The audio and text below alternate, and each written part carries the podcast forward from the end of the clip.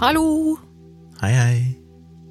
Velkommen eh, til alle dere som hører på, og til, eh, ja, til deg, Gunnar. Nå er det jo jeg som presenterer, føler det er liksom greit, og det er jo hyggelig å ønske deg også velkommen til en ny episode av Virkelig grusomt. Eh, Dette er jo vår, vår ukentlige lille podkast om grusomme, gru, grusomme hendelser. Virkelige historier om grusomme hendelser. Eh, og jeg aner ikke hvor, hvor vi skal i dag, hva det skal handle om. Det er jo du, Gunnar, som har dagens historie. Og du har sittet Ja. nå en stund og, og notert og researcha på noe, noe greier. Jeg brukte altfor lang tid på Ja, å finne en lang tid historie. nå. Gjorde du ikke det? Eller pleier du å bruke så lang tid? Det verste var at jeg hadde jo egentlig en plan, sa jeg vel sist. Jeg Ja, hadde jo researcha, men jeg vet ikke, jeg bare følte for å gjøre noe annet enn å ha en eh, Når jeg satt og leste flere potensielle grusomme historier, så var det sånn åh, dette er så downer med så grusomme historier akkurat nå. Ok, ja. Det er sol, og det er varmt, og vi sitter her og svetter, og Inspirerte er- ikke til noe grusomhet? Holdt jeg på å si. Nei, man er litt mer luftig og kjølig. Ja. Eh, Så den historien jeg har i dag, er jo det. Den, den er jo ikke så grusom, tror jeg. Så jeg den, forventer ikke noe høy score på grusomhetsskalaen. Er den mystisk? Egentlig ikke mystisk heller, for meg Oi. er han mest bare fascinerende. Men er den fra virkeligheten? Det er han. Ja, men da er det, da er i hvert fall innafor. Ja, det er en historie jeg så eh, for en tid tilbake, og jeg kikka jo på, må jo nevne det, vi har jo en mailadresse som heter virkeliggrusomt at gmail.com. Ja, men der Og får vi en del fått, eh, eh, tips. Ja, vi har fått flere gode tips i det siste, og jeg kunne definitivt ha brukt en av de, og det kommer jeg nok til å gjøre, for jeg satt og leste meg opp på noen av de historiene vi hadde blitt tipsa om, og de var definitivt grusomme. Den ene var så grusom at det var sånn at dette her eh, kan, kan jeg, dette er jo bare forferdelig. ok. kan vi utsette lytteren for dette? Men eh, den Ja, det- kommer nok. Ja. Jo, men det er det som er fint med de tipsene som kommer på innboksen, at de blir jo liggende der, de. Ja. Så, Så hvis du er nylytter og ikke syns denne historien er så grusom, så sjekk ut tidligere episoder. Det er mange grusomme historier der, og det kommer garantert grusomme historier i framtida. Men i dag, siden det nærmer seg ferie, og ja, en litt unormal ferie Det er kanskje ikke så mange som skal ut og flyge i sommer på grunn av covid og alt dette her. hva mener du med ferie? Altså, tenk på sånn fellesferie og sånn? Ja, sommerferie. Ja. Men jeg valgte allikevel en flyhistorie, Oh! Så kanskje like etter at ikke for mange skal ut og flyge etter å ha hørt dette her. Men jeg er jo fascinert av flyhistorier, og denne her historien eh, så jeg på YouTube for lenge siden, og har sett den igjen i forskjellige sammenhenger, blitt nevnt. Men har jeg hørt denne historien før? Ja, jeg tror det. Jeg tror faktisk du så det samme med meg, muligens. Ja, for jeg har jo fått med meg en god del av eh, Vi er jo begge fans av å sitte og se på YouTube eh, sånne breakdown-videoer Ja. av forskjellige flyulykker og diverse ting som skjer oppe i lufta. Og det, det er alltid kjempeinteressant og nervepirrende. Denne historien er fascinerende fordi eh, det ble satt en verdensrekord, og eh, det sier litt om eh, Verdensrekord i hva, tenker jeg da. Jeg kommer tilbake til det. Ok, ja. Eh, ja, Vi får ta historien først, før vi begynner å snakke for mye om det. Vi skal tilbake igjen til 24. august 2001. Og Ok, men det er jo ikke så lenge siden. nei Og Eller vi skal til. Canada. Vi har jo vært lenger tilbake i tid enn det. Ja, mye lenger. Men 24. august 2001 så er det et flyselskap som er et kanadisk flyselskap som heter Air Transat. Og det ligger vel litt i navnet at de flyger transatlantiske flights. Det hadde jeg gjettet. Ja. Flight 236, som skulle fra Toronto, flyge over Atlanterhavet og lande i Lisboa i Portugal. Flyet tok av eh, på kvelden, klokka var vel rundt eh, 21, altså 9 på kvelden, lokal tid, i Toronto, og det var et stort fly. Den hadde 293 passasjerer, Oi, altså ja. nesten 300 passasjerer, og en bemanning på 13 personer. Ja, det, hva slags fly var det, sa du? Sa det? Nei, det står, men det har ikke notert meg. Nei. Uh, Det kan jeg jo fort sjekke, siden du er så nøye på det. Ja, nei, jeg var bare litt nysgjerrig, eh, siden vi først har sett på så mye sånne flyvideoer i det siste. en Airbus A330 Ok, ja. dash 243. ja, det sa meg ikke så fryktelig mye, egentlig. Men jeg, jeg kan se det litt sånn for meg. Det er jo noen av de, ja, for det er jo noen av de flyene, flyene som er gigantisk svære. Ja. Og det var et relativt nytt fly, det hadde bare vært i drift i to år, som jo er ganske ferskt i flysammenheng. Ja, det var jo ganske nytt. Flyet hadde 46,9 tonn drivstoff, som faktisk var 4,5 tonn mer drivstoff enn det som sånn etter reglene trengs for å flyge fra Toronto til Lisboa. Jaha, vet vi noe om hvorfor det? Nei, vet ikke hvorfor. Men det, det var absolutt ikke noe problem. I denne sammenhengen var det vel eh, heller eh, en god ting, skal Nei. vi jo få høre. Mhm. Men eh, ja, bare for å sette litt perspektiv, altså 47 tonn drivstoff som cirka når de tok av. Og det var erfarne piloter. Førsteoffiser og kopiloten, altså. Det var en som heter Dirk de Jager, tror jeg. 28 år gammel. Het han, het han Dirk the Jagger? Ja, Dirk the Jagger. Det er jo et så kult navn. Het han faktisk det? Dirk the Jagger. Jagger. Jeg vet ikke om det er fransk eller jeg tror belgisk. eller- Sikkert fransk, da, hvis han er fra Canada. Eh, 28 år, og hadde altså 4800 flytimer bak seg. Men kapteinen, han som var pilot, heter Robert Piget, eller Robert Piget, Robert Piget. 48 Ja. år gammel, og hadde hele 16 800 flytimer bak seg, så han var definitivt veldig erfaren. Og, som jeg skal se, kanskje, så var det heldig at han òg faktisk var en erfaren glideflypilot. Nei, dette lover ikke godt. Hvor mange timer eh, erfaring hadde han første, sa du? 4008. Ja, okay. ja, men Så de er jo begge to erfarne piloter, da. Blir regna som erfarne piloter, definitivt. Så flyet tok av, altså på kvelden, Toronto-tid, og de fløy i flere timer. Alt var helt normalt. Eh, De fløy i en høyde av 39 000 fot. Men etter ca. 3 timer og 50 minutter, uten at noen visste om det, så sprang det en lekkasje i et eh, drivstoffrør, en drivstoffledning, mot høyre motor. Eh, Så altså på høyre side, og dette var et tomotorsfly, på høyre side så Altså- sprang det en lekkasje i drivstoffrøret, tilførselen. Altså, ja, det er totalt to motorer. Mm. Ja. En på hver side. Ja. Og etter det så gikk det ca. 25 minutter, så kom det plutselig en sånn rar melding på dashbordet i cockpiten, der det sto at det var for høyt oljetrykk, men samtidig for lav temperatur og for lite olje på høyre side. Jaha. Og det mm, var ingen som visste noe om at det var noen drivstofflekkasje, så de pilotene, rutinerte som det var, vurderte forskjellige ting, men tenkte at det her gir jo egentlig ingen mening, det er en litt sånn selvmotsigende feilmelding, så det må nok Mm. bare være noe feil med, med den datamaskinen som varsler dette her. Så de avskrev det egentlig som en falsk alarm, men de rapporterte det tilbake til bakken i Canada og, og sa at vi har fått den meldingen, Mm. men de fikk beskjed om at bare liksom overvåk det, og så fortsett. Ja. Så gikk det ca. en halvtime, så kom det en ny feilmelding, og denne gangen så fikk de en melding om at det var ubalanse i drivstoffnivået. Uff da. For det i flyene så er jo bensinen, eller drivstoffet, er jo lagra i vingene. Mm. Så det var en melding som sa at det var mer drivstoff på venstre side enn det var på høyre side, og normalt så skal ikke det skje. Nei, det sier seg jo litt selv at det kan fort bli et problem hvis eh, flyet ikke er eh, balansert. Ja, det handler jo både om balanse, pluss at teknisk sett så skal jo begge motorene ha nok eh, drivstoff Ja. for å komme seg fram. Så det var en, en litt rar melding. Men igjen, de visste ikke noe om at det var noen lekkasje, så for å løse det problemet, så begynte de å overføre drivstoff fra venstre vinge til høyre vinge. For det kan du gjøre i flyene. Du kan altså pumpe bensin fra den ene sida over til den andre.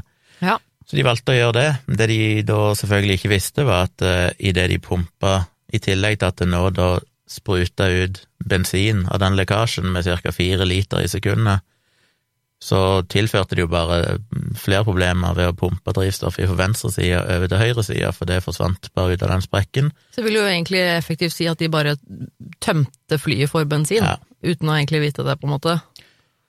Så gikk det et kvarters tid til, og da oppdaga de at nå er det noe alvorlig galt med mengden drivstoff. Og dette var jo helt ukjent for dem, selv om de var erfarne piloter og sånn, men disse her feilmeldingene de hadde fått, og det, det at det var ubalanse i drivstoff, og så plutselig lågt drivstoff, det hadde de aldri trent på, og aldri opplevd under flight før. Nei. Så plutselig oppdaga de at nå er det faktisk for lite drivstoff til at vi klarer å nå fram til Lisboa, selv om de hadde mer drivstoff enn det de trengte opprinnelig. Så veldig fort så valgte de å omdirigere flyet til en annen flyplass eh, som heter Lahez, eller Lajes Airport, på Terceira, eller Terceira Island i Azorene. Mm. Eh, så de som har dette visuelt i hodet sitt, de flyr fra Canada, de har jo nesten kryssa Atlanterhavet, men så er det jo denne øygruppa som heter Azorene, som tilhører Portugal, Ja, mm. ute i Atlanterhavet der, som de fant ut at det var den eneste flyplassen de kunne nå. Jeg lurer på om det var en militær flyplass eh, på der. Og tre minutter etter det igjen så varsla de bakken og sa at eh, nå har vi en krise med drivstoffnivået her, og, og vi kommer til å omdirigere og ønsker å lande på Azorene, denne øya i Azorene istedenfor. Eh, Samtidig omtrent så sa pilotene til cabin crew at kan dere gå ut eh, i kabinen og foreta en visuell inspeksjon, se ut gjennom vinduene, se om dere ser noen lekkasje. Mm. Men det kunne de ikke se. Så de Nei. fikk aldri bekreftet at det var noen reell lekkasje, og det var ikke noen melding på datamaskinen om at det var en faktisk lekkasje noen plass. Det er vel en av de, liksom en av de type feilmeldingene eller sånn som ikke fins på fly, da, tydeligvis. Det der med at det Jeg er litt usikker på om det var hvor unormalt det var, vi skal komme litt tilbake igjen på slutten, hva som egentlig gikk galt og sånn, men, Ja. men de kontakta jo da bakken igjen og sa at nå har vi unormalt lite drivstoff. På det tidspunktet der så hadde de kun 4,8 tonn drivstoff igjen, altså knapt 10 av det de hadde tatt av med, og det var 12 tonn mindre enn det de skulle ha hatt, ifølge normalt. Det er mye drivstoff, altså. Fy Ja, da hadde det flate. pøst ut mye. Eh, Nå var det jo selvfølgelig fløyet mesteparten av turen, så mesteparten av drivstoffet skulle jo uansett være brukt opp, men det var som sagt tolv tonn mindre enn det det egentlig skulle ha vært. Ja. Og de sa at de, de klarte ikke å finne ut hvor feilen lå, og de fortsatte mens de prata, så kunne de se at nivået sank. Men de mistenkte da at det måtte være en lekkasje et eller annet sted i de indre tankene i høyre vinge. Mm. Så etter de hadde fløyet i bortimot fem timer totalt, altså, og da ca. 30 minutter seinere, etter de da ble oppmerksom på at her er det noe alvorlig galt, så stoppa høyre motor på grunn av drivstoffmangel. Før dette så prøvde de jeg Én ting er disse offisielle artiklene og Wikipedia sin versjon og sånn, de er litt sånn overfladiske, men jeg har jo sittet og lest en sånn ja, sånn skikkelig sånn flynerd-side, der Mm. folk driver og skriver rapporter og sånn om dette her, og der gikk det inn i mange detaljer om hva pilotene hadde gjort. De hadde jo prøvd å pumpe bensin tilbake igjen fra høyre side til venstre side for å teste ut et eller annet og mye sånn, men jeg skjønte ikke helt poenget med det, det gikk litt over mitt hode. Tenkte det var ikke så relevant å gå inn i alle de detaljene, men til slutt så stoppa altså høyre motor, for nå var det tom for drivstoff. ja. Eh, og det skal jo, altså selvfølgelig er det et problem i den forstand, men teknisk sett er det ikke et problem. Disse flyene skal klare seg fint på én motor. Ja, og det er sånn vi har snakket om i denne podkasten her før òg, Mm. at i, i, i tilfelle hvor en motor svikter eh, i et, på et fly som er i lufta, så er jo piloten i utgangspunktet trent for å kunne lande et, et fly eh, med bare én motor, eller ja. Og det ser han jo på alle de her flight-videoene vi har sett, altså air disaster-greiene og sånn, at hvis du mister en motor, så blir jo Går det ikke som regel bra? pilotene sånn veldig bekymra. Det er mer sånn ja, ja, nå mister vi en motor, sånn, men det Vi må lande nå, men Ja. det går nok bra.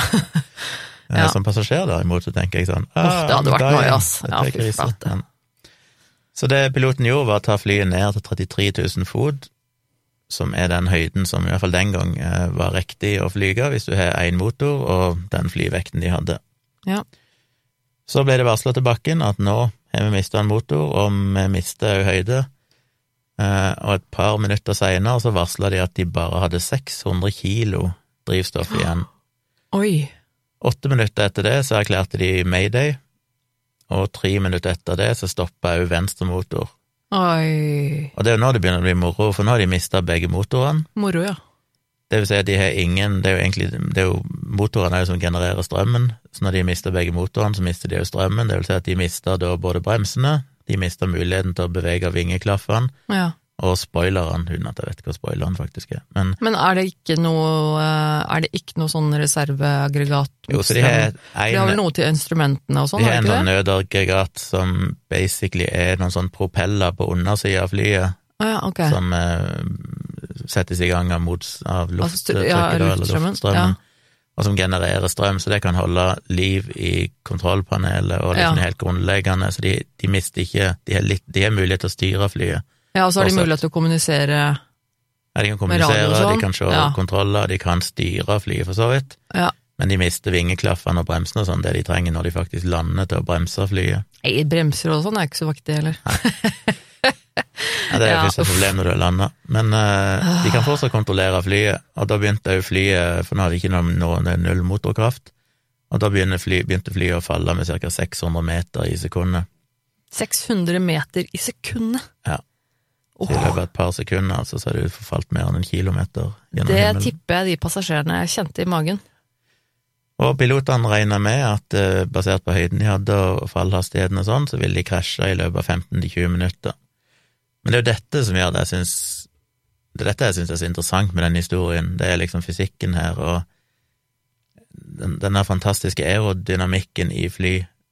For du tenker Ja, deg en Airbus fascinerende. 330, jeg Mm. vet ikke sånn hvor mange tonn den veier, Ja, det er mange. men det er nok noen hundre tonn. Ja. Eller et eller annet. Noen titalls tonn, gudene vet. Jeg er akkurat sånn Ja, nei, tonn, det er- sånn, det er jeg så dårlig på å vurdere. Ja, nei, men den veier jo enormt mye. Men bare tenk på at den henger oppe i løse lufta. Jeg jeg vil jo nesten tro at hvis det ikke er noe som driver flyet framover, så bare sånn bom, så bare faller det rett ned. Ja. Men i, i historie etter historie så ser du bare hvordan sjøl uten motor, altså fortsetter flyet å flyge gjennom himmelen. Ganske så upåvirka. Ja, det synker jo, ja. men det flyger framover Det vil jo fortsatt. dale, liksom. Ja. Men det er noe med det at eh, det, det er egentlig helt uh, merkelig, litt sånn umulig å forestille seg hvor fort de flyene faktisk beveger seg i lufta. Ja. Altså, Tenk deg hvor mange kilometer i timen de flyr i hastighet når de er i, i lufta. Det er jo det er jo- mye fortere enn det vi på en måte tror. Altså, hvis Ja. vi ser et fly på himmelen, så ser det ut som det går ganske sakte. Men det går jo kjempefort. Så det er klart at eh, hvis du stopper motorene, så vil jo du ha momentum som vil føre deg ganske langt framover likevel, heldigvis, da. Det ikke Ja, så er det jo fascinerende at kombinasjonen av Det her er jo banalt, egentlig, men liksom kombinasjonen av at det er så aerodynamisk utforma, men òg Jeg mener, den dag i dag så kan jo jeg fortsatt egentlig ikke akseptere at det går an å flyge. Ja, det er veldig Det er det er sånn, dette er jo ikke egentlig mulig. Du kan ikke ta et, noe som veier mange titalls tonn, Og så plutselig skal det bare bare fly opp i luften. det bakken, liksom, og så bare flyger det. Det er sånn, hver gang jeg flyger, så tenker jeg nå, nå er det et eller annet magisk som skjer her, for dette, dette er i strid med alle lover. Ja, det er veldig fascinerende. Men bare tanken på det at du kan henge der uten noen motorkraft og være så tungt, men fortsette framover, og på grunn av liksom måten fysikken virker rundt vingene, Mm. så kan du fortsatt ha en oppdrift, eller sånn, ja, holde deg flygende, Ja, istedenfor bare falle som en stein, som jeg bare syns er så dypt fascinerende. ja. Um, Men nå må jo disse pilotene begynne å tenke litt kreativt, holdt jeg på å si, regner jeg med. For nå ja, det er ikke så mye de kan gjøre, men de hadde jo allerede pekt seg ut denne flyplassen på Azorene, og den var jo ganske langt vekke. Ja. Men uh, nå hadde de jo ingen andre mulighet. Nå var det bare å gli. Glideflyge, og det er jo da det var litt flaks at han piloten faktisk hadde en del glideflyerfaring. Ja, det er jo helt uh, gull, da, i så fall. Men som passasjer så er det jo nå ganske frus... eller skremmende. Det er jo én spesiell passasjer som jeg skal komme tilbake igjen til litt på slutten, som heter Margaret McKinnon, som var en doktorgradsstudent i psykologi, Ja. som var på dette flyet. og Hun var på bryllupsreise med mannen sin. De skulle på bryllup, de hadde gifta seg i uka før, eller noe sånt. Skulle de til bryllupsreise eller hjem fra den? De skulle til Åh, Hun var kanadisk, så de skulle til Portugal på bryllupsreise. sånn, har de, har de vært på bryllupsreisen, så er det sånn, ja, da har du i det minste fått oppleve bryllupsreisen, ferien, før du dør, liksom. De, Ok, det var veldig, det var veldig morbid, men ja. hun, Men det, eh, hun var på toalettet da dette skjedde, så hun var på toalettet, hadde vært ferdig på do, skulle vaske hendene, men oppdaga at det kom ikke noe vann ut av kranen. nei, Så det da de styrte litt med det og liksom herja med den, nå? men til Mm. slutt så bare ga hun opp. Og grunnen til det var jo at på det tidspunktet så hadde de mista all strøm, Ja, og hydraulikk og alt var vekke. ja.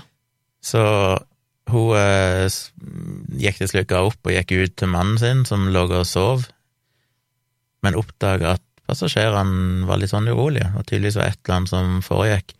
Og idet hun kom ut, så hadde de nettopp avslutta visningen av en eller annen film på skjermene, og så kort tid etter det så skrudde plutselig alle skjermene seg av, og lyset begynte å flimre, blinka litt, og så kom det en lyd over høyttaleren som sa at eh, pilotene opplevde noen vanskeligheter.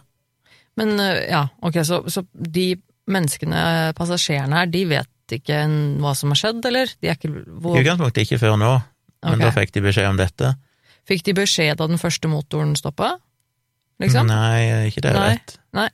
Men, eh, eller jo, det var vel egentlig det som skjedde akkurat når hun kom ut, tror jeg. Jeg er litt usikker på. Men eh, for Ja, okay. kort etter at hun satte seg, så så eh, begynte cabin crew å gå gjennom flyet og Mm. ba passasjerene om å ta på seg redningsvester, ta av seg skoene. Noen minutter seinere så falt alle oksygenmaskene ned, Mm. Og det ble rapportert at ei av flyvertinnene begynte å liksom annonsere til dem, men brast i gråt før hun ble ferdig å prate. Nei, åh, fy søren. Og så fikk de en beskjed av flyvertinna eller fly cabin crew om at vi kommer til å lande i vannet. Ok. Og så ble det helt stille, for da slo motoren, begge motorene seg av, da, eller den andre motoren òg. Nei, fy fader. Så da hørte de på en måte de satt i flyet, og så er det ingen motorlyd lenger. Og da er det stille, Og du er langt over Atlanteren. Eh, du får beskjed om at det er både redningsvester, cabin crew griner. Nei, fy fader. Og så begynte piloten å informere de litt, og han begynte etter hvert å telle ned og si ifra okay. minutt etter minutt hvor lang tid det var igjen til impact. Nei, Og sa what? at de hadde basically ja, så og så mange minutter igjen, og de fikk beskjed om å innta sånn brace position og sette seg i sånn Jeg skulle til å si at Er ikke det bare bedre å holde kjeft om det, altså? det, altså jeg Nei, skjønner jeg jo på en måte greia, for, ja, for det er jo som du Det sier, er det, bare han må informert. Ja, og så som, som du sier, at han sier fra at de skal innta eh, sånn posisjon hvor du holder Altså, ja, Mm. det som man har sett på disse videoene og sånn, at hvis det, man skal holde seg for hodet og bøye seg ditt og datt og sånn. Så denne, eh, det, det som er viktig å huske på, er jo det at nå har de bare én sjanse. Normalt når du skal lande, så er det jo skal det ikke så veldig mye til før en, eh, en fly prøver å lande, så oppdager de at dette er vanskelig, og så bare tar de av igjen, og så sirkler de rundt, og så prøver de på nytt. Mm. Så det, normalt så har du jo drivstoff nok til å kunne foreta flere forsøk på landing, og det skjer jo av og til hvis det er kraftig vind eller et eller annet sånt, så er det jo noen som må lande både tre og fire og fem ganger før de til slutt lykkes. Ja. Men her har de en sjanse. De har ingen motorkraft. De har basically bare et kontrollert fall ifra himmelen, som er det de driver med nå. Og som sagt, pilotene begynte å telle ned. Og det å treffe vannet i så høy hastighet, det er jo som regel eh, dømt til å mislykkes. Ja, det er ikke mye, det er ikke stor sjanse for å overleve. Hvis de hadde måttet lande på sjøen, så hele det der redningsvestene og sånn er jo litt sånn eh, Man kan jo håpe da at man i så fall kommer og klarer å komme seg ut overlevende, altså, Ja. for flyet vil jo gå i stykker. Flyet vil jo nesten uansett eh, knuse. Eh, Det er jo eksempler fra tidligere der en del passasjerer overlever sånne krasjlandinger i hav og sånn, Ja. så det er ikke helt umulig. Men igjen, det er litt sånn du, Ja, du skal ikke Jeg Så hadde nok følt meg temmelig ille til mote i den situasjonen. Ja. Han, te han teller ned. Men de har altså ikke mulighet til å bremse og sånn, for han har jo ikke disse Nei, ja, flappene, og, og de har én mulighet til å lande. Så for å klare dette, så må flyet blant annet foreta en 360 graders rundtur, Mm. og så mange sånne S-svinger fram og tilbake. Mm. Og bare det er jo det er liksom sånn, du har ikke motor lenger, du foretar et kontrollert fall ifra himmelen, Mm. Men du må fortsatt gjøre alt det du kan for å bremse, på en måte, for at du skal ikke ha for stor hastighet og gå for langt. Så bare det er jo å klare å beregne at du skal treffe den landingsbanen i riktig hastighet, og du kan ikke bremse skikkelig, du er nødt til å bremse bare gjennom å svinge og Ja, er flyge helt- rundturer og sånn. Helt utrolig. Eh, Og flyet glei gjennom lufta faktisk totalt i 25 minutter, Oi! og satte da verdensrekord for lengste glidetur, som var på 120 kilometer. Der kom verdensrekorden til det. Og det syns jeg er fascinerende, at du, altså uten motorkraft så holder flyet seg i lufta i nesten en halvtime. Som jeg òg syns bare er sånn shit, aerodynamikk, altså det Ja, det er fascinerende. Til slutt så klarte de å lande. På de havet? traff eh, på landingsplassen, det Altså, de, ja, de rakk å komme fram. De kom seg fram til land, og eh, passasjerene på flyet så jo først at de passerte land, for det er jo øyer og sånn, og så var det plutselig Ja, okay. igjen, og sånn, ja, og det var mørkt trodde- ute, så de så liksom ikke helt hva som foregikk, men de så plutselig at det var vann under seg. Ja. Og de var jo i brace position, så ingen, ingen visste jo egentlig om de kom til å klare det. Nei. Men de landa jo i veldig stor hastighet, eh, mye større hastighet enn det som er normalt, Mm. og landa veldig hardt. Det var sånn skikkelig sånn boom rett ned i bakken, og de spratt opp igjen og fløy sånn en halv kilometer bortover. Ja, for nå har de jo ingen, eh, ingen, ikke noe landingsutstyr heller, ikke sant? De hadde jo ikke noe Nei. hjul eller noen ting. De hadde ikke bremser engang. Så det første som skjedde, var jo at idet hjulene tar i bakken, så låser de seg fullstendig. Altså, de hadde, de hadde fått ut eh, landing gear. Ja, de hadde jo landing gear, Ja, ok. Mm. eh, men de låste seg alle hjulene, så de sklei jo bare bortover på gummien, holdt jeg på å si, og alle åtte dekkene eksploderte, basically. Ja. og understellet fikk jo temmelig hard medfart, og så da, og de spratt som sagt opp igjen, glei noen hundre meter til, og så landa de i bakken igjen. Så de stoppa til slutt etter 2,3 kilometer, og landingsbanen er på rundt 3 kilometer, så de hadde for så vidt eh, god klaring sånn sett. Idet flyet endelig stoppa, så begynte alle dekkene å brenne, men det var ikke så kritisk, for de hadde jo allerede redningspersonell og sånn på plass, som umiddelbart kjørte bort og begynte å slokke dekkene og sånn. Mm. Og da flyet endelig stoppa, så brøyde jo passasjerene ut i vill applaus og gråt. Selvfølgelig. Og ingen ble faktisk skada Wow. i selve landingen, men ironisk nok, 14 passasjerer og to cabin crew fikk lette skader, og to fikk alvorlige skader idet de skulle evakuere flyet. Å ja, ja, det er sikkert ikke bare bare, nei. Eh, Jeg vet ikke hvordan det gikk med de med alvorlige skader, jeg fant ikke noe mer informasjon om dem, men, men alle overlevde iallfall, og det gikk vel bra med alle til slutt. Men det er jo sikkert ikke så rart, da, hvis du tenker på at selv om de har fått landet og, og, og stoppet, og folk begynner å eh, bli letta, på en måte, så har jo folk sikkert fortsatt totalt panikk, ikke sant. Så når de skal åpne dører og alt mulig, så har de jo fortsatt ikke noe kontroll på hva som skjer, om flyet brenner, eller om eh? De vil jo bare ut derfra, så Ja. Og da er det jo veldig ofte at det oppstår sånne situasjoner hvor folk eh, Altså overlevelsesinstinktet til folk kicker inn, og så plutselig så altså, løper man inn i noen, eller over noen, eller dytter ned noen, eller Ja, altså det kan jo bare være at i en sånn hendelse så gjenger du ikke nærme trappene, du, du hiver ut de her skliene. Ja, eller det, så folk hopper At ned på skliene, og det kan jo være folk som har falt være- av ei skli ja. eller et eller annet. Det kan være Landa hardt, eller- Ja. Så gudene vet. Men det var jo bra, da. Det var jo tydeligvis da ingen som døde. Men det interessante var jo at uh, pilotene ble jo først hylla som helter, og det var litt sånn motvillig når de kom tilbake til Canada, så ble de intervjua, han ene piloten, eller han som var hovedpiloten da, kapteinen, han sa vel at han gjerne skulle vært foruten den opplevelsen, han følte seg ikke som noen helt. Jeg skjønner jo godt at han ikke Altså, han helst ville vært foruten den opplevelsen.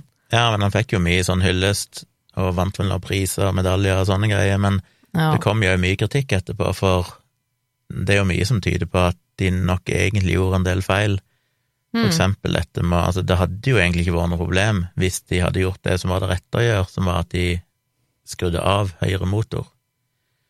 Ja. For da hadde de hatt venstremotor og hatt nok drivstoff til å kunne lande normalt i Portugal. ja. Men den feilen med at de ikke identifiserte at det var en lekkasje, og da begynte å overføre drivstoff, og gjorde andre feil òg underveis, eh, fikk de jo mye kritikk for seinere. Men det er klart, i folkeopinionen sånn i ettertid, så blir de fortsatt regna som helter, som klarte liksom å lande flyet etter å ha glidd i tolv mil gjennom himmelen og, og sånn, og ingen egentlig ble alvorlig skada sånn sett. Og det er jo uansett en, en enorm prestasjon, da, å kunne få til Ja. det, og lande det flyet på den måten. Og det er nok ikke alle som hadde klart det, definitivt. Jeg mener igjen, da, det må ikke ha bremsa sånn, og det å faktisk klare å lande og, og gjøre disse krusedullene i himmelen for å bremse ned farten og komme ned i Mm. akkurat riktig høyde. og Det å gjøre alle de beregningene og sånn, det er klart det krever en del skills. Men så begynner jo selvfølgelig media å grave litt, og det var litt morsomt, jeg leste i en artikkel at han kapteinen, da, han han hadde jobba i en del år som frilanspilot før han ble ansatt i Air Transat. Og ca. 20 år tidligere så hadde han jo blitt arrestert i USA for å ha transportert narkotika. Å ja. Han hadde blitt tatt, og han landa et sånn lite, bitte lite enmannsfly eller noe sånt, og så hadde de funnet ut at det var fullt av marihuana. Oh, ja. Så jeg tror han satt i fengsel noen år og sånn. Men han fikk jobben som pilot likevel? Ja, det var jo lenge før og sånn, så Ja. han ble, var vel ett år eller noe sånt før denne hendelsen, så ble han benådiga av eh, staten Georgia, tror jeg det var. De Mhm. mente at han nå var rehabilitert. okay. Så han var på en måte en fri mann igjen, det var sånn. Eller ikke Ja, ja. regna som Ja, han hadde fått rullebladet sitt sletta sånn, sikkert. Ja. Eh, Men det som egentlig hadde skjedd da, var igjen, som jeg snakka om tidligere, altså, det, det det evinnelige tekniske problemene at da de ikke helt følger regelverket. Noen dager, bare noen dager før flighten, så ble hele høyre motor skulle byttes ut, men den ble bytta ut med en eldre versjon av samme motor. Så egentlig en eldre versjon av samme fly, og motoren fra det flyet ble da flytta over på dette nye flyet. Jaha. Og mekanikeren kjente ikke til denne litt eldre motoren så godt, men de fikk streng beskjed av overordnet om at ja, men dere skal likevel bytte denne. Og sjefsmekanikeren hadde vært veldig skeptisk, at det var en sånn hydraulisk pumpe som mangla, men da fikk de beskjed om å ta denne motoren ifra et annet fly, som sagt, og på en eller annen måte hacka dette til. Og det skulle gå bra hvis de bare fulgte retningslinjene fra produsenten nøye, for det var utforma retningslinjer for å kunne bruke denne gamle motoren på disse nye flyene, men du måtte da gjøre det på en spesiell måte. Ja. Mye tyder vel på at de da tydeligvis ikke fulgte de retningslinjene nøye nok, og det gjorde at jeg tror drivstoffledningen og en sånn hydraulisk ledning endte opp med å ligge for nærme hverandre. Det var bare snakk om noen sånn millimeterfeil, Mm. men dermed endte de opp med å gnisse imot hverandre. Så ble det jo påpekt senere at flyet etter det hadde skjedd, etter den motorbyttet, så hadde jo flyet fløyet i 60 timer med mange takeoffs og landings uten at noen ting hadde vært problematisk, så sånn sett så virka det ok, men akkurat på denne turen da, så skjedde det, det etter sikkert lang tid, eller slitasje over flere dager, så endte han opp med å springe lekk. Mm. Og det ble jo selvfølgelig mye oppstyr i ettertid. Mange passasjerer i uken etterpå kansellerte jo alle reisene sine med Transat, for de mente at dette var jo ikke et trygt selskap, og det ble jo retta en sånn class action lawsuit ifra masse passasjerer mot selskapet på grunnlag av at de mener det var sviktende vedlikehold og sviktende rutiner og sånn i, i, selskapet. Jeg vet ikke helt hvordan det gikk med det søksmålet, men canadiske myndigheter ga en bot på 250 000 canadiske dollar for brudd på regler rundt vedlikehold og sånn, og det var den største boten som var gitt i canadisk historie. Hmm. De fikk òg Air Transat fikk jo òg uh, innskrenka mulighetene sine til å flyge over vann. Så ja myndighetene sa at uh, de fikk bare lov å flyge flyruter som var i nærheten av land. Ok. Og så ble det retta en del kritikk, da, som jeg nevnte tidligere, mot dette med at er det virkelig greit å la sånne fly, som kun har to motorer, krysse Atlanterhavet? Ja. For hva gjør du hvis noe går galt på denne måten? Mm. Men industrien mener jo at det er så godt som skuddsikkert, altså to motorer er godt nok, for det antall tilfeller der begge motorene svikter, er så helt sjokkerende sjeldent. Mm. At, uh, at én motor svikter, skjer jo i ny og ne, men igjen, det er basically ikke noe stort problem. Nei, og hvis man sammenligner da flytransport med andre transportmidler, så snakker vi om så ja. ekstremt sjeldne tilfeller. Men jeg merker jo sjøl nå at jeg tenker sånn neste gang jeg skal flyge over havet, så har jeg lyst til å ha et fly med fire motorer, eller ja, du ble veldig kresen på, på flyvningene. Selv om jeg rasjonelt sett vet at to jeg skal være sikkert. Ja. Um, ja, så ble det innført en del endringer og rutiner, så jeg skal ikke gå inn i alt det, men jeg synes det var som jeg snakker om mange ganger, det fører jo som regel til forbedringer. Ja. Så det ble jo innført nye sjekklister og sånn, at du nå er det lagt mye mer vekt på at du må forsikre deg om at det ikke er noen lekkasje, før du eventuelt begynner å pumpe drivstoff fra én vinge over til den andre. Mm. Pluss at de visstnok nå er innført i disse data, disse computerne i flyene, at de hele tiden kalkulerer eh, gjeldende drivstoffnivå imot det som er forventa drivstoffnivå, avhengig av hvor langt de har fløyet og hvor mye de starta med og sånn. Sånn at du nå vil få en varsling hvis de merker noe unormalt, at nå er det lavere drivstoff enn det Eller drivstoff blir brukt opp fortere. Ja. For jeg mener Tidligere så virka det som at det bare var sånn at du fikk en varsling hvis det begynte å bli lite drivstoff, eller et eller annet sånt, men, men, de burde egentlig fått varsling mye tidligere med at nå forsvinner drivstoffet fortere enn det motoren forbrenner. Ja. Ergo må det være et eller annet alvorlig galt. Men tilbake igjen til hun Margaret McKinnon. Ja, litt spent på det. Jeg syns jo det var litt interessant. Det visste jeg ikke om før jeg begynte å lese om det nå. Jeg har jo bare hørt selve historien om, om denne verdensrekorden i eh, glideflyging ja. med en eh, gigantisk fly. Høyst ufrivillig verdensrekord. Hun var jo på dette flyet, som sagt, og var jo da eh, doktorgradsstudent, eller postdoktor, jobba med sånn postdoktorat, nei, jeg vet ikke hva det heter, i psykologi. Okay. Veldig høyt utdanna. Eh, hun ble jo Hennes holdt på å si, forskningsgener trådte jo i kraft idet passasjerene Allerede når passasjerene liksom mm, samla seg inn i, på flyplassen og sånn etterpå, så begynte hun å tenke at hm, hvordan er det egentlig folk reagerer på dette? Ja. Og det endte jo faktisk opp med at hun fant ut hun ville noe komme tilbake til Canada, og ikke så veldig lang tid etterpå. Vi skal på at dette skjedde jo i slutten av august i 2001. Mm. Og hva er det som skjedde to uker seinere? Ja. 9-11. Ja. Så her var det to ganske traumatiske katastrofer som skjedde på Ganske relativt tett. kort tid. Ja. Den ene de opplevde de sjøl, den andre opplevde de ikke sjøl.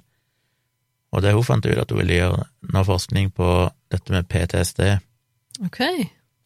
Og jeg skumma gjennom eh, diskusjonsdelen av den faktiske publiserte studien og lest et par artikler som prøver å forklare det. Jeg syns ingen av de klarte å forklare veldig godt hva hun egentlig kom fram til, så jeg skal ikke okay. begi meg ut på det, men okay. Men det de ønsker, det er jo etter historien så klarte hun å få samla, jeg tror det var 19 passasjerer som var på dette flyet, Mhm. der rundt halvparten av de hadde utvikla PTSD, og den andre halvparten hadde ikke det. Mm.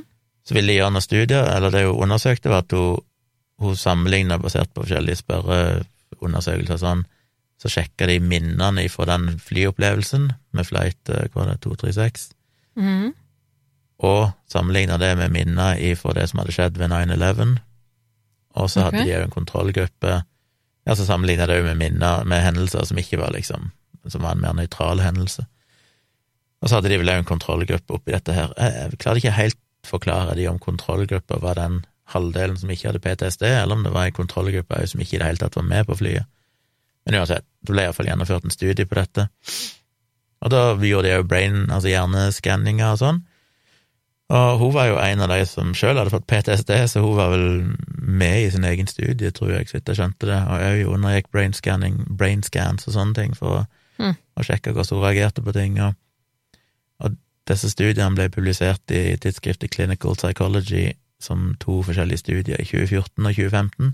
Mm. Og det de fant, blant annet, det var jo at eh, når de fikk gjenspilt videoer av denne krasjlandingen, så så de økt blodgjennomstrømning i amygdala og hippocampus og andre deler av hjernen, som er veldig aktive i dette med å lagre minner og sånn, og gjenskape minner. Ja. Og de så òg at de fikk omtrent den samme effekten når de så videoer fra 9-11, eller nyhetssendinger fra 9-11. ja. Og det de fant ut, var vel, så vidt jeg skjønte, med forbehold om at jeg tar feil, så virker det som at Det ene er at de drøfter litt dette med at det å få PTSD kan slå ut på egentlig to måter, iallfall. De merker at rundt 30% eller sånn eh, opplevde en sånn bedøvelseseffekt, at de mer eller mindre ender opp med å skru av følelsene, og de finner ikke den der overdrevne eh, Hva heter det? Mer sånn som om du får et elektrisk sjokk når du gjenopplever hendelsen. Det var mer det motsatte, at du hadde en ganske sånn nøytral effekt på det. Mm. Mens en, en stor del av de andre med PST hadde den motsatte effekten, altså som du kanskje mer forventer, at når du gjenopplever hendelsen, så er det veldig traumatisk for dem, at da Mm. begynner en å kjenne på dette, og kroppen går i en sånn uh, krisetilstand. Mm. Så noen opplever altså at de får en veldig sånn forhøya nivå av følelser, mens andre skrur av følelsene. Mm. Og begge deler er jo egentlig uheldig, og det er lagt, eller målet var vel å legge litt føringer for hvordan du behandler PTSD, da, og ta høyde for at det er forskjellige måter å reagere på dette på. Ja, nettopp, ja. Så fant de vel òg at eh, alle passasjerene huska denne hendelsen med en sånn enorm detaljrikdom, og at de som hadde utvikla PST, så ut til å huske flere eksterne minner og detaljer, altså ting som ikke nødvendigvis var relatert akkurat til hendelsen, men Ja. som var mer sånn alt Omstendigheter ja, sånn. omstendigheter, og òg hvordan de følte det nå, og de, liksom når de skulle Ja. fortelle om dette, så hadde de en mer sånn ja, kompleks gjenfortelling da enn de som ikke hadde PTSD. De var veldig flinke til å huske detaljer rundt selve hendelsen, Mm. men ikke så mye eksterne og alle andre sånne detaljer og sånn. Ja. Uh, og så ser du jo at det, dette handler ikke bare om minner, men at du faktisk gjenopplever hendelsen. Mm. Så det er en ganske stor forskjell, at det ikke bare er som at de husker noe som skjedde, som er jo vanlige det, folk ja. vil huske det, men at de faktisk gjenopplever det. Det er ofte sånn man beskriver også opplevelser i PTSD, da, at Mm. man, det er som om hele, hele deg blir på en måte tatt tilbake og opplever, opplever det på nytt igjen. Jeg syns det var litt morsomt da, at en av passasjerene på dette flyet fant ut at liksom sånn nesten umiddelbart For hun ble jo som sagt traumatisert sjøl av, av den hendelsen, eh, og syntes jo det var helt forferdelig. Mannen hennes var ganske sånn chill. Han var, han var mer sånn når de satt oppi flyet, så var han sånn dette her skal vi overleve, dette skal gå bra, og begynte å planlegge at når vi lander, så skal vi gjøre sånn og sånn, gå der er nødutgangen, eh, redningsvester, bla, bla, Wow. vi er flinke til å svømme, vi klarer å svømme til land. Ja. Mens hun var mer sånn Hun visste at når du lander på vann, så er det liten sjanse for å overleve, og dette kommer til å gå galt. Og, så hun var mer sånn katastrofe og, negativ, mens han var mer sånn Ja. positiv, da. Nå slapp de jo heldigvis å lande i vannet, så det gikk jo bra. ja. Så det var egentlig historien. Syns han er litt sånn fascinerende, grusom på et nivå, selvfølgelig, at eh, det du opplever som passasjer, det er jo noe jeg ikke har lyst til å oppleve. Å høre at begge motorene stopper, og når du er midt over havet. Nei, åh. Men eh, kanskje en liten trøst i det til folk som hører på, at eh, hvis motoren stopper, så er det som regel en flyplass nærme nok til at du klarer å lande, Ja, selv uten motor. Litt det avhengig av hvor du er. ja. Det, Men eh, det er sånn som oftere enn du skulle tro, så klarer han til slutt å lande likevel. Ja, det er veldig fascinerende, egentlig. Hva de, hva de pilotene lærer, og hvilke situasjoner de er drilla på og sånn. Det er jo Ja, veldig det det er en grunn til at man bruker lang tid på å bli pilot, og at det er vanskelig å komme inn på skolen, videre. Det er, Eh, Det, Det som er liksom- med den historien, er at litt av konseptet dere her i podkasten er jo at vi liker å snakke litt om de psykologiske mm, effektene, men her var jo faktisk det en del av historien, på en måte. ja, det syns jeg er interessant.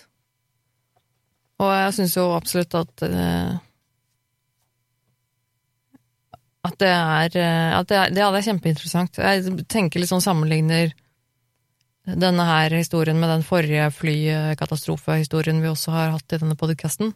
Mm. Hvis du som hører på ikke har hørt den episoden, så vil jeg anbefale deg å gå tilbake litt nedover i arkivet og høre på den episoden, for den er også veldig spennende. Eh, Men jeg vil jo kanskje Med et litt mer uheldig utfall. Jeg vil jo kanskje påstå at den den forrige flyhistorien er litt eh, mer creepy. Ja. Eh, denne her, her gikk det jo heldigvis bra med alle sammen. Mm. Og det er jo bare ekstremt imponerende at, eh, at, at det gikk så bra. Det er jo helt sånn Ja, eh, ganske utrolig. Jeg, har- jeg har hørt den historien her før. Jeg husker det Jeg husket ikke så mye detaljer av, eh, av den historien. Jeg husker ikke eh, hvordan det gikk, eh, faktisk. Men eh, jeg husket det, det, de detaljene du Når du snakket om det med med, med å, så er det stille for meg. Hva heter det? Drivstoff. Eh, med drivstoffet og det at de skulle drive og flytte det der Mm. drivstoffet, pumpe over til den andre siden og sånn. Det, de detaljene der husker jeg, så det, det kjente jeg igjen. Men eh, eh, jeg også tenker sånn bare at tenk, altså Så mye som de pilotene må vite og kjenne til. Ja. Eh, Det er ganske utrolig fascinerende, altså. Det er eh, at et, et flymaskin er, er flymaskin er så utrolig komplisert, og det er så mye det er så mye som kan gå galt, potensielt, da. Og det det å liksom vite hvordan du skal takle det i enhver situasjon og, og sånn, det er, Altså, det de, er bare de glidefløy jo sjokkerende langt, men ironisk nok så måtte de jo bremse. De måtte jo kjøre en sirkel, 360 graders loop og, Mm. Og noen S-svinger sånn for å begrense det. Så sånn, hvis ikke de hadde måttet gjort det, så hadde de jo glidd enda lenger, så det var tydelig de hadde ganske mye å gå på. Ja, og det er jo også eh, liksom sikkert da fordi at de faktisk kom seg så langt at de kunne lande på en rullebane, da. Og da må man jo Da må man jo liksom sikte. Da må du på en måte ha så riktig som mulig fart, og du må på en måte lande, du må beregne så veldig da, i forhold til den der nedover. Ja. Men så jeg tenker at hvis de, hvis de faktisk ikke hadde hatt sjans da, og måtte lande på vannet, så er jeg spent på åssen det hadde gått. Eh, Så det hadde gått dårlig. Eh, det er jo eh, Det er jo mange andre tilfeller jeg har hørt om eh, hvor de har landet på vann hvor det går dårlig, eh, men også selvfølgelig noen ganger det går greit. Men, men det er litt sånn Ja, det er litt interessant, for jeg tenker på han, eh, han eh, kaptein, Var det kapteinen som hadde eh, erfaring med, med, med Mm. flyseil... Nei, hva, hva kaller han det? Seilfly? Nei. Er seilfly, eller Ja, glidefly. Ja. glideflyving, ja. Jeg får liksom lyst til, å, lyst til å vite hva han hadde klart, men jeg tenker sånn, ja, men han, hvis han hadde fått den challengen, hvordan hadde han, hadde han klart å lande det flyet på vann? Jeg tenker at det er noen som hadde klart det, så hadde det kanskje vært han, jeg vet ikke.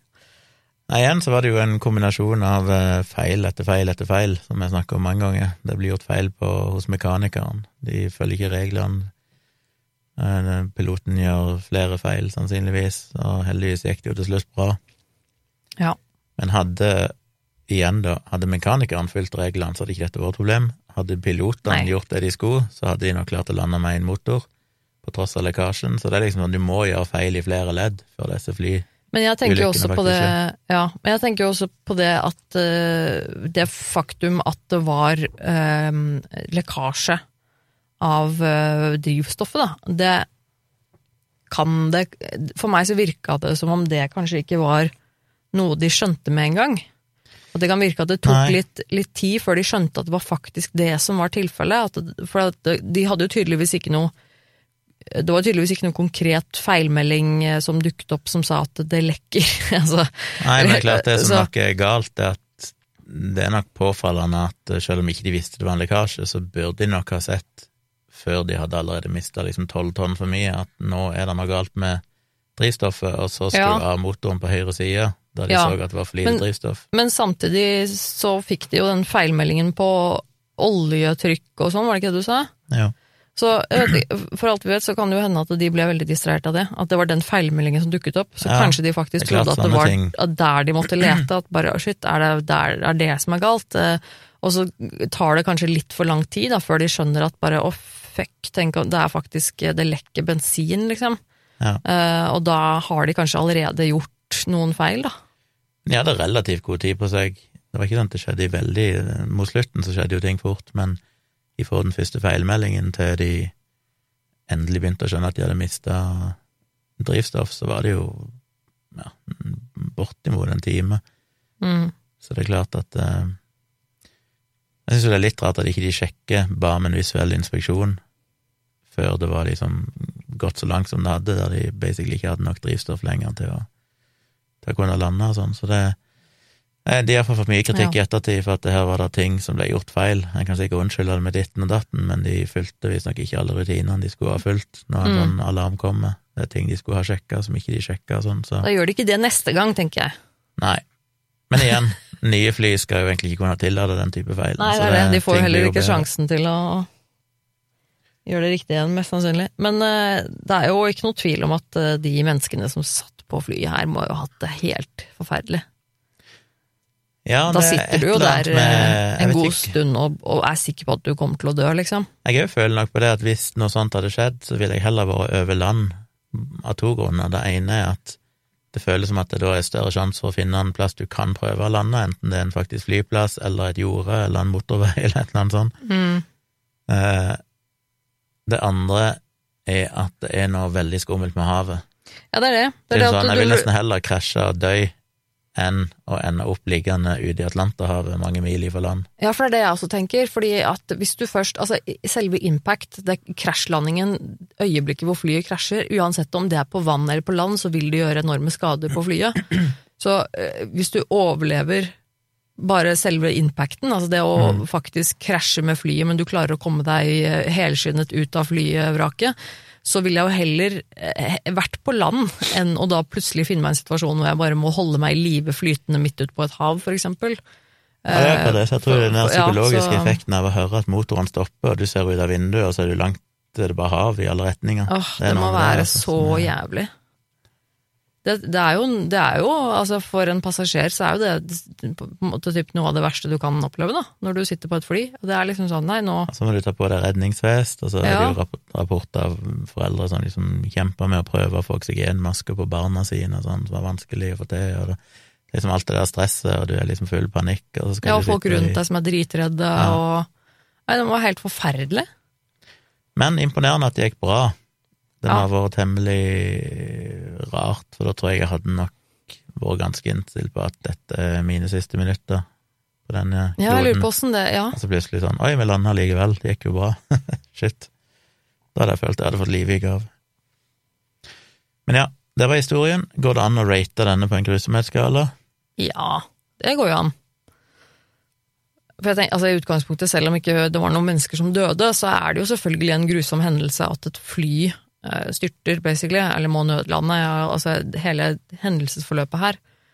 Eh, det er jo ikke noe hverdagslig eh, hyggelig flytur, dette her. Så jeg vil jo påstå at det er eh, en grusom opplevelse for de involverte. Eh, Men så gikk det jo heldigvis selvfølgelig eh, gikk det heldigvis bra, selv om man jo nok kan eh, argumentere med at eh, de som overlevde dette her, sikkert ikke har hatt det fryktelig bra i etterkant. Det er jo åpenbart. Det skjønner jeg godt. Men jeg tenker Tre? Jeg tror forresten det flyet ble brukt helt fram til 2020, Aha. etter det ble reparert. Ja. Tre på grusomhetsskalaen? Ja, fra én til ti, hvor, eh, hvor én er liksom et eh, kutt i fingeren typ grusomt, eh, holdt jeg på å si, og ti er det verste du kan tenke deg. Ja, det, tre, Ja, jeg, no, no, et sted der, tre-fire kanskje. Ja, det er jo for meg liksom veldig høyt oppe på skalaen, min personlige skala av ting jeg ville fått panikk over, så er det jo å være i et fly som jeg tror kommer til å krasje. Ja, Så selv om det går bra, så føler jeg jo liksom Det var tross alt en halvtime med flyging, med gliding, så de hadde jo en halvtime basically nesten å sitte og tenke at nå skal jeg dø, nå skal jeg dø. ja. Det er ganske lang tid. Så jeg vil jo si at selv om det gikk bra Og det er veldig mange mennesker, da. Ja. Selv om det ikke er noe tortur og drap og sånne ting, så er det fortsatt noe av det verre, verre tingene jeg kunne tenkt meg opplevd. Ok, jeg lander på fire. Det Det går ikke an å rate denne på noen mystikkskala, men hvis vi skal innføre en, en tredje skala, En tredje? er det fascinasjonsskalaen. Å nei. Vi kan ikke, ha, vi kan ikke bare innføre skala Jeg tror de tre skala. skalaene der dekker alt, for da er det jo grusomhet, du har mystikk, men den tredje type, det er liksom de tre typer historiene jeg tror vi kommer til å fortelle. Ja, ja.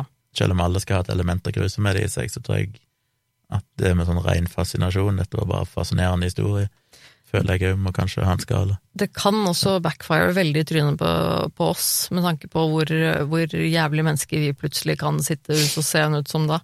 Hvis du har en grusom historie som, eh, som vi da bare 'Dette var en tier på fascinasjonsskalaen', og så sitter vi der og har hørt om Nei, det, mennesker som har blitt hvis det er en eh, åpenbart grusom, grusom historie, så trenger vi jo kunne bruke grusomhetsskalaen. Ja da, jo. Men, det, det er kun eh, på de historiene som ikke helt passer inn i det der tortur og mord og kidnapping og forferdeligheter, som eh, kanskje trenger en liten ekstra skala. Det kan jo lytterne være med og avgjøre, som vanlig, så kan dere gjerne gå inn eh, under postene våre på Facebook, Instagram, eh, Twitter, der dere ser vi poster podkasten, episoden, og skrive en egen eh, review. Hvor vil dere rangere denne på grusomhetsskalaen? Hvor vil dere rangere den på for eksempel fascinasjonsskalaen? Men vi kan ikke Nei. Det blir for mye skalaer. Vi kan ikke holde på sånn.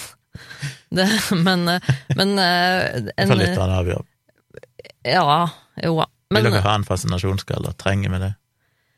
Ja, men jeg syns jo ikke det er Hele poenget med denne, med denne podkasten er jo ikke skalaene. Det er jo på en måte Nei. bare en, en Men morsom grusomhetsskalaen må vi ha på alle historiene, for hvis ikke de kan Ja. rates der, så er ikke historien verdt å ha med. Så et element av grusomhet må det alltid være. Greit så det er den viktige skalaen. De to andre er bare sånn Men når det er sagt, det er jo absolutt en fascinerende historie. Og som sagt, eh, vi er jo Vi sitter jo og ser på YouTube begge to, og på historier som dette. Og altså, vi er jo youtubere, begge vi to, så vi er jo helt åpenbart uh, ganske glad i YouTube.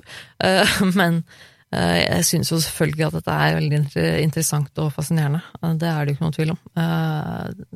Og det er jo helt enig i at det er en sånn ting som jeg håper jeg aldri kommer til å oppleve i livet mitt.